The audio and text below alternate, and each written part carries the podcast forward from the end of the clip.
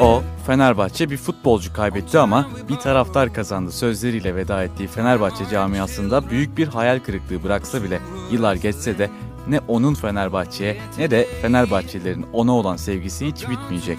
Gerek oynadığı oyun gerek de karakteriyle sadece Fenerbahçelilerin değil tüm futbol severlerin sevgisini kazanmayı başarmış bir isim Alex. Tam adıyla Alexandro de Souza. Boyacı bir baba ve aşçı bir annenin ilk çocuğu olan Alex 14 Eylül 1977'de Paran eyaletinin başkenti Curitiba dünyaya geldi. Çocukluğu buraya 45 kilometre uzaklıktaki Colombo'da geçti ve futbol topuyla burada tanıştı. Evinin yakınlarında bulunan bir çayırlıkta arkadaşlarıyla birlikte top oynamaya başlayan Alex o günleri şöyle anlatıyor. Bütün vaktimi o çayırlıkta geçirirdim. Bazı arkadaşlarım bilye oynar, bazı arkadaşlarım uçurtma uçururdu. Ama ben sadece futbol oynardım. Annesi ve babası çalıştığı için Souza ile babaannesi ilgileniyordu ve onun futbol oynamasından sürekli şikayetçiydi. Yağmurlu havalarda bile arkadaşlarını futbol oynamaya ikna eden Alex, eve sürekli ıslak kıyafetlerle gelirdi. Babaannesi onun futbol oynamasının giysilerini ıslatmaktan başka bir şey yaramadığını söylüyordu. Ama o ısrarla oynamaya devam ediyordu. Günün birinde sokakta top oynadığı arkadaşlarından biri olan Silvio, kulübün seçmelerine girebilmek için her hafta Curitiba gittiğini söyledi ve onu da davet etti. Alex durumu babasına söyledi ve babası her ne kadar maddi durumlarının yetmeyeceğini söylese de oğlunun böylesi bir fırsatı kaçırmasını istemedi. Alex'in eline bir miktar para tutuşturdu ve onu Silvio ile birlikte gönderdi. Alex babasının yüzünü kara çıkartmamak adına kendinden emin bir şekilde Curitiba'nın yolunu tuttu. Gittikleri yerde altyapı hocalarından Miro onları takımlara dağıttı ve hepsine yelek vererek maçı başlattı. Yaklaşık 15-20 dakikalık bir maçın ardından herkesle tek tek konuştu Miro Hoca. Alex'e kendisini salon futbol oynamak için bir yere götüreceğini söyledi. Alex buraya gelirken hiç bunu düşünmemişti ve bu teklif karşısında soğuk davrandı. Günün birinde efsane olacağı futboluna büyük katkı sağlayacağını bilmeden. Ancak salon futboluyla tanışması ve uyum sürecini atlatması çok kısa sürdü. Takıma çabuk adapte oldu ve hocasının gözüne girmeyi başardı. O dönem Alex'in hocası olan Luciano Melo, Alex'i böyle anlatıyor. Onun yaşındakiler daha topa vurmayı beceremezlerken Alex topla harikalar yaratıyordu. Şut çekerken topu değil golü gözlüyordu. Takım arkadaşlarıyla kontak kurar asla bencillik yapmazdı. Kendisi topu alıp herkesi çalımlayıp gol atabilirdi. Fakat o uygun durumda olan takım arkadaşlarına atıyordu topu. Her şey çok güzel gidiyordu. Fakat bir sorun vardı. Ailesinin maddi gücü yoktu ve Alex salon futboluna gidebilmek için yol parasını annesinden istiyordu. Anne bana para ver. Söz sana bir gün ödeyeceğim diyordu demesine ama annesi bu parayı nasıl ödeyeceğini düşünüyordu. Bir süre sonra hocası Miro yol parası işini halletti. Alex her hafta antrenmanlara gidip gelmeye devam etti. Aynı zamanda Corçiba'nın maçlarında devre arasında Miro Hoca ve takımı ile birlikte seyircinin önüne çıkıp kısa bir maç yapıyorlardı. Miro Hoca salon futbolundaki antrenörlüğünü bırakınca Alex de sadece salonda futbol oynadı. Çok uzun mesafe kat etmek gerektiği için onun için sade mücadele etmek zordu. Çünkü salon futbolu onun için idealdi. Teknik direktörlerinin de katkısıyla o dönem karşılarına çıkan her takımı ezip geçtiler. Fakat Parana Kupası final maçında Alex'in yaptığı bir hata yüzünden kupayı alamamışlardı. Teknik direktörü ona yakın zamanda profesyonel olacaksın. Birçok galibiyet, mağlubiyet alacaksın. Bunlara alışmalısın diyerek teselli etmişti. Babası Alex'in masraflarını karşılamakta güçlük çekmeye başladı ve o zamanlar Alex'in teknik direktörlüğünü yapan Soka'ya eğer gelecek vaat etmiyorsa onu yanına alacağını söyledi. Çünkü yanında çalışan işçiye para ödemek zorunda kalıyordu. Eğer Alex babasının yanında çalışırsa bu masraftan kurtulacaktı. Soka bu durum karşısında babasına onun gelecek vaat ettiğini, mükemmel bir futbolcu olacağını söyledi. Soka, Alexandro'nun durumunu gördükten sonra ona sponsor bulmaya karar verdi. Bulduğu sponsor, onun sadece yol parasını karşılamakta kalmadı, ailesinin erzak ihtiyacını da karşıladı. O dönem para da kazanmaya başladı ve ev ekonomisine katkı sağlıyordu. Kazandığı az miktardaki para anne ve babasının işsiz kaldığı vakitlerde işlerine yarıyordu. Futbol hayatı her ne kadar güzel gitse de okul hayatı bir o kadar kötü gidiyordu. Salon futbolu oynadığı akademinin okulunda bir türlü sınıf geçemiyordu. Bunun üzerine öğretmenler ve babası kendisiyle görüştü. Herkes durumun farkındaydı. Eğer sporcu olacaksa bütün gün mahallede top oynayabilirdi. İlerleyen günlerde devamsızlık ve ders notlarını değerlendiren akademi Alex'le ilişkisini kesmeye karar verdi. Önceliklerinin iyi bir sporcudan çok iyi bir vatandaş yetiştirmek olduğunu belirten akademide velilerin bir kısmı da Alex'ten şikayetçiydi. Bu durum üzerine önceliklerinin sporcu yetiştirmek olan ve sporculara özel burs veren özel bir liseye gitti. Burası Alex'in arayıp bulamadığı bir yerdi. Hem okuyabilecek hem de özgürce futbol oynayabilecekti. Okulun futbol takım direktörünün 15 kişiye burs verebilme imkanı vardı ve bursu vereceği öğrencilerden birisi de Alex'ti. O dönem hem salon futbolu hem de sağ futbol oynayan Alex, Güney Amerika Kupası için Brezilya'nın 17 yaş altı takımına çağrıldı. Alex için bu büyük bir fırsat olacaktı ama bir talihsizlik yaşadı. Maçlara bir hafta kala topuğundan sakatlandı ve takımdan ayrıldı. Sakatlıktan sonra salon futbol oynamaya karar verdi. Salon futbolunu oynadığı arkadaşlarının Cruzeiro ve Corinthians gibi takımlarda profesyonel sözleşme imzalamaları Alex'i umutsuzlaştırmış ve üzmüştü. Onlar da Alex gibi salon futbol oynamışlardı. Kimisiyle rakip, kimisiyle takım arkadaşı olmuştu. Alex de profesyonel olabilirdi. Bir gün akademideki hocasıyla yaptığı konuşma onu etkilemişti. Salon futbol oynamaya devam edersen güzel salonlarda oynayabilirsin. Ama Corinthians ve Cruzeiro gibi şansları sana sadece sağ futbolu verebilir dedi. İşte o an Alex için salon futbolunun hobi olabileceğini ama asıl olanın sağ futbol olduğuna karar verdi. Bir hocasıyla görüşen Alex, Coriciba'nın minik takımında forma giymeye başladı. Aynı zamanda para kazandığı salon futboluna devam etti. Alexi Coriciba Paulista şampiyonluğunu kazandı. Bu Coriciba'nın kazandığı sayılı ulusal kupalardan birisiydi. O dönem maddi açıdan zor günler geçiren Coriciba, altyapıdaki oyunculara sıcak bakmaya başlamıştı. Alex de şans bekliyordu. Çünkü Parana Gençler Ligi'nin en iyi orta saha oyuncusu seçilmişti ve golleriyle büyülüyordu. Ama o sezon ona şans tanınmadı. Ertesi sezon takımın hemen hemen tamamı profesyonel olmuştu. Fakat takımın en küçüğü Alex hariç. Teknik adam Alex'i yanına çağırdı. Antrenmanda bir kişi eksikti ve onu 30 dakikalığına denedi. Genç oyuncudan memnun kalan Carpegiani Alex'i A takıma aldı. Zaman zaman genç takımla maça çıkıp zaman zaman A takımla antrenmanlara katıldı. Carpegiani'nin kendisine şans verdiği Ireti maçıyla ilk profesyonel maçına çıktı. İki gol attığı maçta Coritiba 3-1 kazandı. Göze girmeye başlayan Alex, Atletico ile oynadıkları derbi maçından sonra ilk 11'e demir atmıştı. Zira maçı Coritiba 5-1 kazanmıştı ve performansı görülmeye değerdi.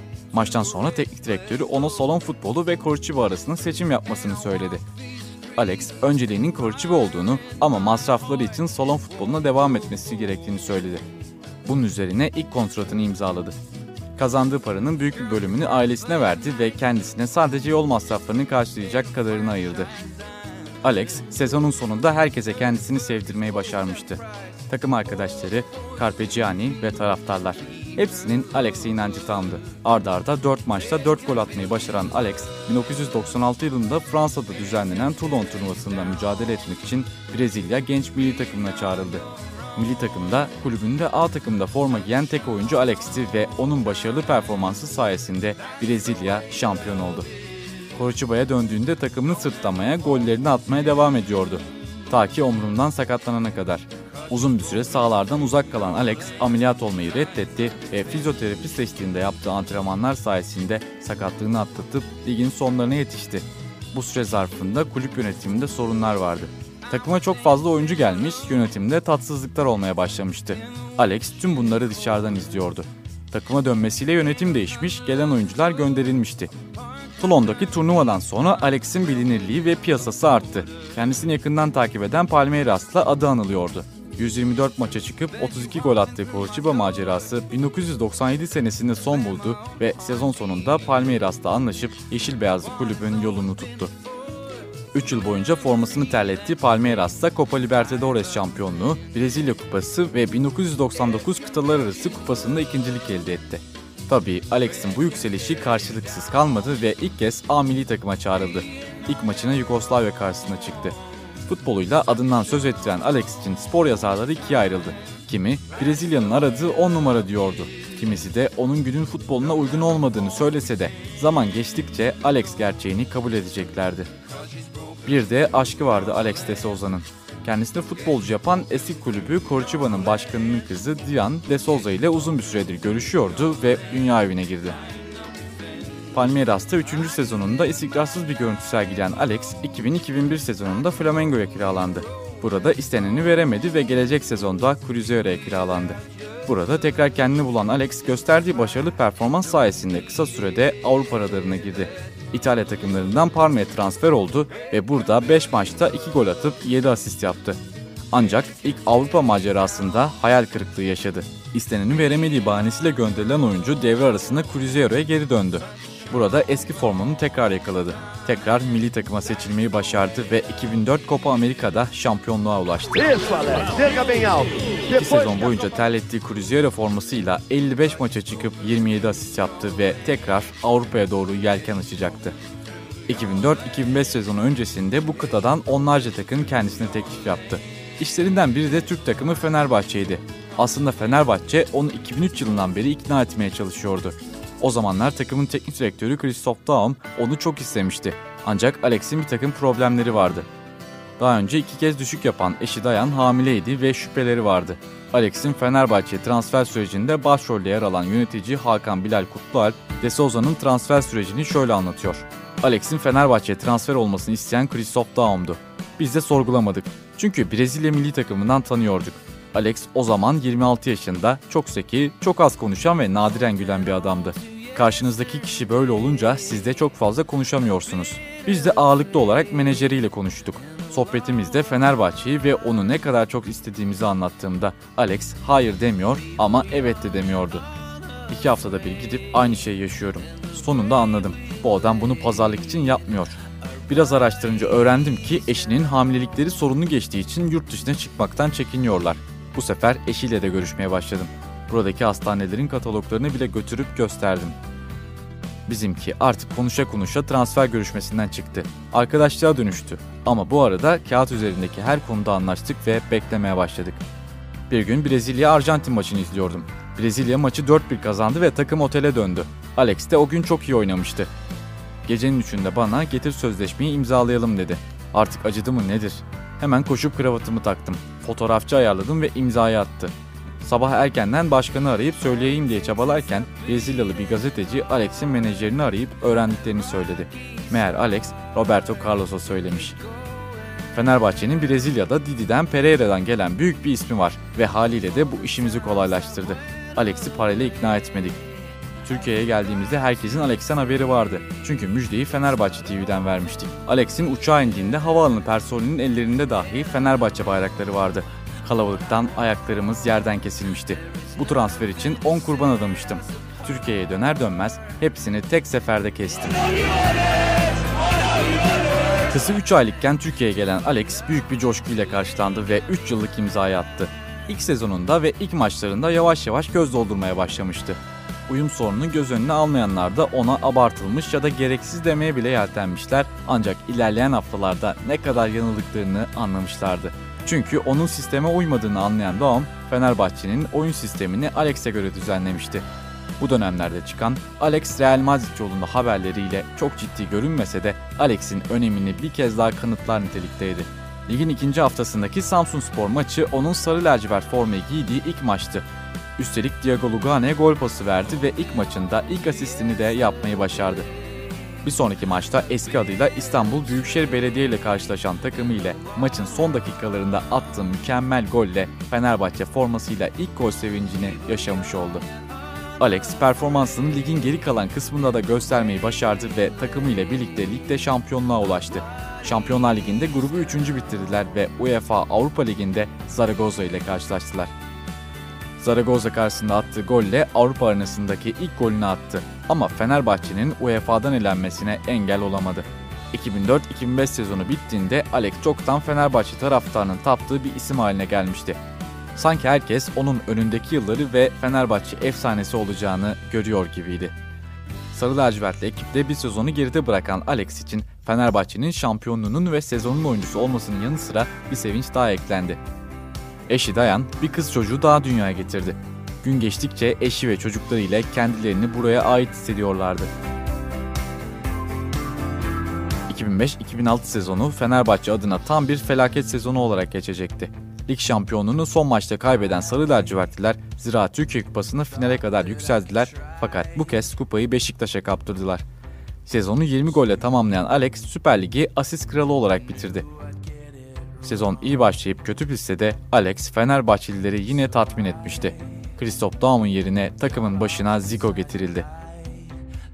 Devam eden sezon Sarı Lacivert kulüp için çok önemliydi. Çünkü 100. yılında şampiyonluk barosu ile çıkılmıştı. Alex yine göz dolduran futbolu ile bu kez sezonu gol kralı olarak tamamladı ve Fenerbahçe'de gol kralı olan ilk yabancı oyuncu olarak tarihe geçti. Takımı ise bu özel sezonu lig şampiyonluğu ile onurlandırmıştı. İstanbul'a Türk kültürüne uyum sağlayan ve hayran kalan Alex, gün geçtikçe içine girdiği Türklerin tarihini bile araştırması ne kadar farklı bir futbolcu olduğunu gösteriyordu. Ayrıca taraftarların ona olan tutkusu ve onun da Fenerbahçelilere olan tutkusu hayranlık vericiydi. Souza ligi kazandıktan sonra tatile çıktı. Kontratı satışa uygundu ve teklifler almıştı. Ülkesine dönmeyi Borussia Dortmund, Benfica ve Hertha'dan gelen teklifleri değerlendiriyordu. Çünkü İstanbul'da 3 yıl içinde yaşayabileceği her şeyi yaşamıştı. Bu haberler manşetlere taşındıktan sonra UEFA Kupası'ndan elendikleri dönemde Şubat 2007'de Sakarya ile oynadıkları bir maçta Şükrü Saraçoğlu'nda bir tribün Alex'i protesto etti. Kötü oynuyordu, sözleşmesi yenilenmemişti. Bu protestoya karşılık kulüp başkanı Aziz Yıldırım onu ayakta alkışlayarak destekledi. Elbette eline her fırsat geçtiğinde bunu Alex'in yüzüne vuracağını o zamanlar tahmin etmek çok zordu. Alex Fenerbahçeli bir yönetici tarafından ikna edildi ve 13 Haziran 2007'de sözleşmeyi yeniledi. Bir ay sonra kaptanlık pozu bandını Zico ona teslim etti. Dördüncü sezonunda takımın kaptanı olmuştu. 2007-2008 sezonuna kazandıkları Süper Kupa ile başlayan takımının Şampiyonlar Ligi'nde çeyrek finale yükselmesinde liderlik rolünü üstlendi. Şampiyonlar Ligi'ne yaptığı 6 asiste asist kralı oldu. Ligi şampiyon Galatasaray'ın 6 puan gerisinde ikinci olarak bitirdiler. O sezonu 18 gol 20 asistle tamamladı. Bu sezondan sonra Zico ile sözleşme imzalanmadı ve takımın başına Luis Aragones getirildi. Alex'e olan sevgi ve sadakat o kadar olağanüstüydü ki Alex'in bir arkadaşı şahit olduğu bir olayı şöyle anlatıyor. Akşam yemeğine çıktığımızda sürekli bir yerlerden ikram geliyordu. Restoranda kravatlı şık giymiş bir beyefendi herkesin ortasında diz çöktü ve Alex'in ayaklarını öptü. Alex bizim her şeyimiz dedi ve teşekkür etti. Fotoğraf çekinmeyi ya da selamlaşmayı kim isterse istesin Alex'in geri çevirdiğini görmedim. Bazen ayağa kalkıp poz vermek için yemeğine bile ara veriyordu. 2008-2009 sezonu hem Fenerbahçe adına hem de Alex adına işler pek iyi gitmedi. Şampiyonlar Ligi'nde grubu dördüncü olarak bitiren Sarı Lacivertliler ligi rayına oturtamadı. Fenerbahçe bu sezonda yeni hoca arayışına girdi ve takımın başına yeniden Doğam getirildi. O sezon Alex'in Fenerbahçe kariyerini etki edecek bir olay daha oldu. Kulübün futbol direktörlüğüne Aykut Kocaman getirildi. Sezon hazırlıkları belirlenen tarihten bir hafta önce başladığından Alex takıma yetişemedi ve bir hafta geç başladı. Tatilden döndüğü gün Alex yaşadığı olayı şöyle anlatıyor. Gecenin 11'i gibi antrenman tesislerine girdim ve arabayı her zamanki yerine bıraktım. Sabah bir çalışan tarafından uyandırıldım. O park yerinin yeni futbol direktörüne ait olduğunu ve arabamı oradan çekmemi söyledi. Arabamın yerini değiştirmesi için ona anahtarı uzattım ama işin garip tarafı direktörün park diye bir şey Fenerbahçe'deki kariyerim boyunca hiç duymadım. Sonra kahve içtim ve Dağım'la konuşmaya gittim. Bana gecikmemin kendisi için sorun olmadığını ama Aykut Kocaman'ın geç kalmamı sindiremediğini söyledi. Sonrasında odasına çıkıp tanışmaya giden Alex ile Kocaman arasında soğuk bir tanışma yaşandı. Sezon başlamadan önce Alex'in kaptan olup olmayacağı tartışıldı ama Alex kaptan olarak devam etti. 2009-2010 sezonunda Fenerbahçe'nin Avrupa Kupalarında en çok oynayan ve en çok gol atan oyuncusu oldu. Aynı zamanda Fenerbahçe'de en çok forma giyen oyuncuydu. Bunlarla birlikte istatistiklere göre Fenerbahçe'ye gelmiş geçmiş en iyi yabancı oyuncu oldu. Sezon sonunda Fenerbahçe formasıyla 100 gol barajını geçmeyi başarsa da sezonu trajik bir şekilde bitirdiler. Bursa Spor'a kaptırılmış şampiyonluk sonrası adeta travma yaşandı. Bu olaydan sonra Christoph Daum'un görevine son verildi. Daum gidince zaten teknik direktörlük için kendini her zaman hazırlayan Aykut Kocaman bu göreve geldi. Alex aile yaşantısıyla herkesin takdirini toplamaya devam ediyordu. Çocukları Türk okuluna gidiyor, hem kendisi hem eşi Türkçe öğreniyordu. İlk defa erkek çocuğu olacak Alex, üçüncü çocuğu ülkesinde dünyaya getirmek istiyordu. Bunun için Aykut Kocaman'dan izin aldı. Ama Aykut Kocaman sadece 10 Temmuz'a kadar izin verdi ve bu doğum tarihinin epey uzağıydı. Alex ve eşi Dayan çocuğu erken doğurmak için her yolu denedi ve başarılı oldular. 4 Temmuz 2010 günü Alex'in 3. çocuğu Felipe dünyaya geldi. 10 Temmuz günü tüm işlemleri halledip İstanbul'a döndü. Aykut Kocaman çocuk doğduğu gün neden dönmedin diyerek Alex'e sitem etti. Kaptırılmış şampiyonluk sonrası yeniden moral bulmak için sezonu şampiyon bitirmek şarttı. Şampiyonlar Ligi eleme maçında Young Boys'e elendiler ve Başkan Aziz Yıldırım oyunculara soyunma odasında sert çıkıp Alex'e sen dahil isteyen herkes bu takımdan gidebilir dedi. Alex bu durum karşısında üzüldü ve birkaç gün gitmek için hazırlandı. Tüm eşyalarını topladığını öğrenen Başkan Aziz Yıldırım onu odasına çağırıp ikna etti ve o olay o zaman için kapanmıştı. 2010-2011 sezonunda Fenerbahçe'nin lig tarihindeki 3000. golünü o attı. Şubat 2011'de Alex kulüple olan sözleşmesini uzattı. O sezon yine efsane bir oyun sergilemişti ve ikinci kez gol kralı oldu. Ayrıca bir dram son buldu ve Fenerbahçe bu sezon şampiyon oldu. Alex bu kez gönül rahatlığıyla tatile çıktı. Ama döndüğünde kulüp bir cehennemin içine düşmüştü. Kulüp şike iddiasıyla sarsılmıştı. Fenerbahçe UEFA tarafından ceza aldı ve Şampiyonlar Ligi'ne katılamadı. Ayrıca Başkan Aziz Yıldırım hapis cezası aldı. 2011-2012 sezonu hareketli başladı. Fenerbahçe'nin zor döneminde Alex kulübü bırakmayan, birlik ve beraberlik duygusu yaratmaya gayret eden tek yabancı futbolcuydu. O sezonu 36 maçta attığı 17 gol ve yaptığı 13 asiste tamamladı. Ancak sezonun şampiyonluğun belirlendiği maçta Alex hazır olmasına rağmen Aykut Kocaman onu son dakikalarda oyuna soktu ve şampiyonluk kaybedildi. Üstelik Aykut Kocaman ağırları olduğu için Alex'i oynatmadığını söylüyordu. Şampiyonluğun kaybedilmesine ve yedek tutulmasına öfkelense de 30 yıla yakın bir süredir Fenerbahçe'nin kazanamadığı Türkiye Kupası'nı Alex'in büyük katkısıyla kazandılar. Aykut Kocaman'ın bu yaklaşımı Alex'i yıpratıyordu. Kariyerini mutlu bir şekilde sona erdirmek için çaba gösterse de bunun olmayacağından korkuyordu. Alex yine Brezilya'dayken Aykut Kocaman bir gün Alex yaşlı, 35 yaşında ve bu sezon onu daha az oynatacağım. Niyetim ondan en iyi şekilde yararlanmak. Geldiğinde bunu ona söyleyeceğim şeklinde konuştu. Türkiye'ye döndüğünde her zaman beraber olduğu tercüman Samet Güzel, geçici başkanlık yapan Ali Yıldırım'ın onu ilk hatasına göndereceğini ve bu sezonun zor geçeceğini söyledi. Alex gittikçe öfkeyle doluyordu. Aykut Kocaman'ın Avrupa Ligi maçından sonra ona söyledikleri bu öfkeyi ikiye katladı. İkili arasında ipler daha da gerildi. Aziz Yıldırım hapisten çıktığında Alex'le konuşup bu sorunu çözmeye çalıştı. Ama sorun onun zannettiği kadar küçük değildi. Basının yaydığı dedikodular ve ortamı gelmesiyle daha da büyüyen olaylar zinciri sonrası bir maç günü Kocaman herkesin içinde köşe vuruşlarını Christian'ın kullanacağını ve Alex'in bugün oynamayacağını söyledi ve sabırlar iyice taştı. Sonrasında Twitter'a girdi ve bir arkadaşının Alex adamım bırak o antrenörü ve boş ver Brezilya'ya dön mesajını verdiği cevap bardağı taşırmıştı. Gerçekten anlamıyorum. Ne yaptığını bilmiyorum. Şundan olabilir. Adam kıskanç. İşte bu tweet sonrası film koptu. Gaziantep maçı antrenmanında ilk 18'de olmadığını öğrendi. Maç günü çocuklarıyla beraber maçı tribünden izlemeye gitti. Taraftarlar Alex nerede diye bağırışmaya başlayınca o sırada Başkan Aziz Yıldırım kendisine en büyük kötülüğü yaparak mikrofonu eline aldı ve Alex'i unutmalarını söyleyerek susmalarını istedi. Ertesi gün Aziz Yıldırım'la yaptığı konuşma çok sertti ve gerçekleri onun yüzüne vurdu.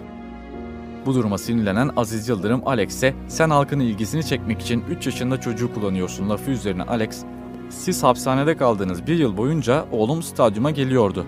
Halkın ilgisini çeken o değil. Bu kulüpte attığım 180 bilmem kaç goldü. Felipe futbolu seven bir çocuk. Konuşma bitince kalkıp odadan çıktı ve eşini arayıp gitme günlerinin yaklaştığını söyledi.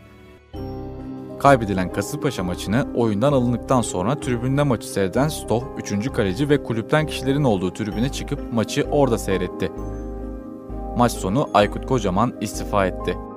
Yöneticiler onu bu kararından vazgeçirdiler. Alex arkadaşlarına durumun böyle devam ederse kalmayacağını söyledi. Pazar günü antrenmandan sonra Aykut Kocaman yüzüne karşı Alex seni artık takımda istemiyorum. Senin geçmişine saygı duyuyorum ama artık seninle çalışmam mümkün değil. Sürekli beni eleştiriyorsun dedi. Takımdan uzaklaştırılan Alex de gerçekten de Aykut 3 yıl boyunca teknik direktörüm olamadın. Sadece bugün gerçek bir teknik direktör gibi davrandın. Gidiyorum. Sana engel olmayacağım. Her ne kadar elde edeceğine inanmasam da sana başarı diliyorum.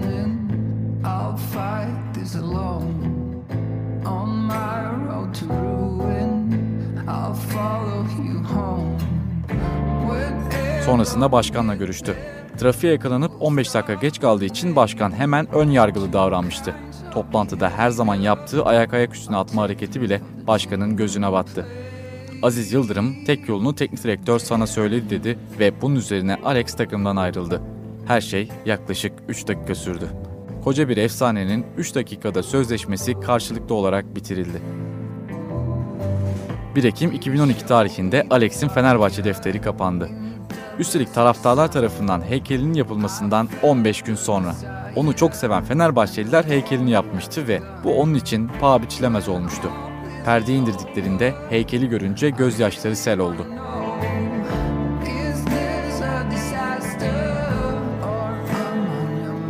Aziz Yıldırım, Alex'e sözleşmesinin fesinden sonra hararetle yaptığı açıklamada Brezilyalı'nın adeta kardeşi gibi olan tercümanı Samet yanındaydı. Alex de 3 dakika içinde yaşadıklarını anlattı ve söylediği her şey için Samet'ten onay aldı. Samet Güzel daha sonra Alex de Souza'nın tüm gerçeklerini açıklamak için yapacağı basın toplantısından bir saat önce istifa etti ve Aziz Yıldırım zor durumda kaldı. Alex ayrıldığında binlerce kişi evine koşmuştu. 11 gün 11 gece evinde nöbet tuttular. Çok fazla duygusal anların yaşandığı bu günlerde TV kanalları Alex'in evinin önünden canlı yayın yapıyordu. Benim için çok zor zaman şimdi. Çok. Herkes onu görmek istiyor ve kalması için ikna etmeye çalışıyordu. Bir araba korna çalmaya başlayınca dikkatimi çekti. İndim aşağıya. Galatasaray montlu biri sırtımda adım yazan 10 numaralı 30 tane Galatasaray forması verdi bana ve benimle fotoğraf çekinmek istedi. Rakip olduğu halde bana büyük saygı duyduğunu söyledi. İnanılmaz bir şeydi bu. Alex artık İstanbul'da kalmasının mümkün olamadığını anladı. Zaten ülkesinden ve özellikle eski takımı Corçiba'dan dön çağrıları vardı ve tüm yaşananların ardından geri dönmek için karar verdiler. Ayrılma anı çok zor oldu. Eve, iki köpeğe, iki kuşa veda ettik.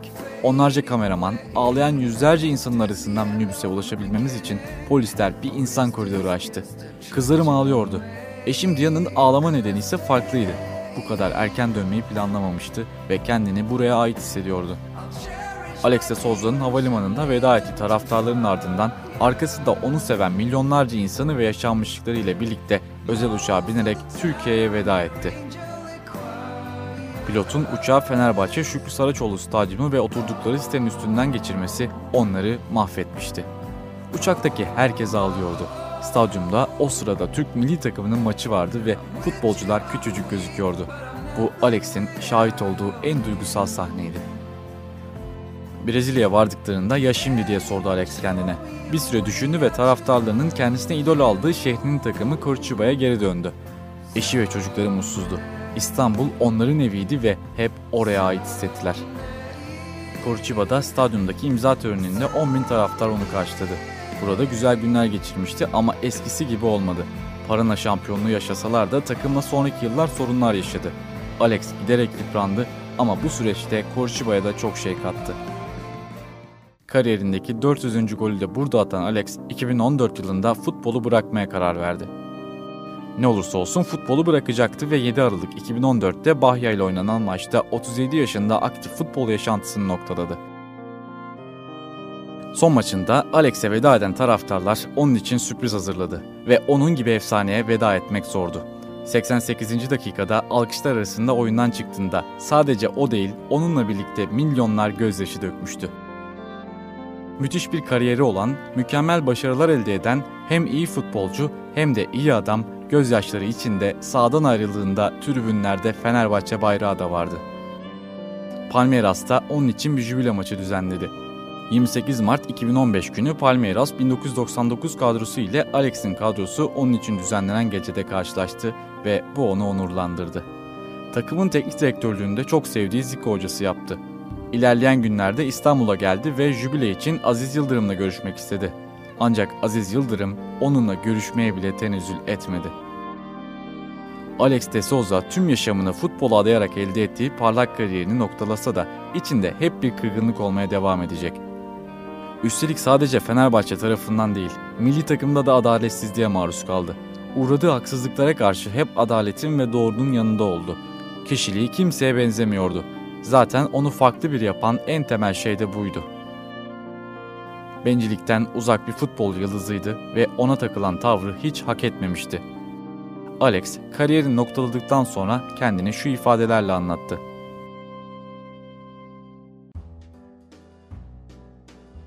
Sahip olduğum her şeyi futbola borçluyum. Bir bütün olarak kendimi de futbola borçluyum. Futbol bir spor ya da geçim kaynağından öte bir şey oldu benim için. Yaşamım oldu. Futbol sayesinde çok soru elde edebileceklerime ulaşabildim. Yoksul bir ortamda doğdum. Bir mahallede büyüdüm. Yaşadığımız zorlukları sadece ailem bilir. Futbolun bizi kurtardığını söyleyebilirim. Arkadaşlıklar kurdum. Dünyayı tanıdım. Büyüleyici stadyumlarda sahaya çıktım. Eğreti stadyumlarda da. Sporun A yüzünü de B yüzünü de gördüm. Adalet istemek için mahkemeye bile başvurdum. Yurttaşlık haklarımı savunurken bir sürü şey öğrendim. Üzüntü, korku ve öfke dolu, sıkıntılı ve gergin zamanlarda düssel ve tarifi mümkün olmayan mutluluklar da yaşadım. Bol bol gülümsedim. Sevindim, duygulandım. Kendimi kaybettim, bulutlarda gezindim. Kan, ter ve gözyaşı akıttım. Sızlanacağım, pişman olacağım tek bir nokta bile yok. Çocukluk düşümü gerçekleştirdim. Üst düzey futbol oynamak, kalbimdeki takımın formasını giymek, ülkedeki büyük kulüplerle anlaştıktan sonra farklı taraftarların sevgisini kazanmak, Brezilya milli takımında mücadele etmek ve sonunda yurt dışında idole dönüşmek. Gerçekleşmiş bir özneyim. Roma kralı Falcao bir defasında şu argıya varmış. Futbol oyuncusu iki kez ölür. İlki oynamayı bıraktığında. Ne demek istediğini anlıyorum. Fakat oyuncu iki kez doğar demeyi tercih ediyorum. İkinci doğumum şimdi gerçekleşti. Televizyonda yorumculuğa başladım. Köşe yazmayı da düşünüyorum. Antrenörlük kursuna gideceğim. Bir gün Türkiye'ye dönebilir ve Fenerbahçe'nin başına geçebilir miyim? Olabilir. Fakat yakın vadede imkansız. Bu arada kim bilir belki Dünya Kupası'na katılma düşümü gerçekleştiririm. Bir milli takımın başında. Gelecek Tanrı'nın bileceği bir iş. Bana kalan sadece çalışmak. Hala genç olduğumu düşünüyorum.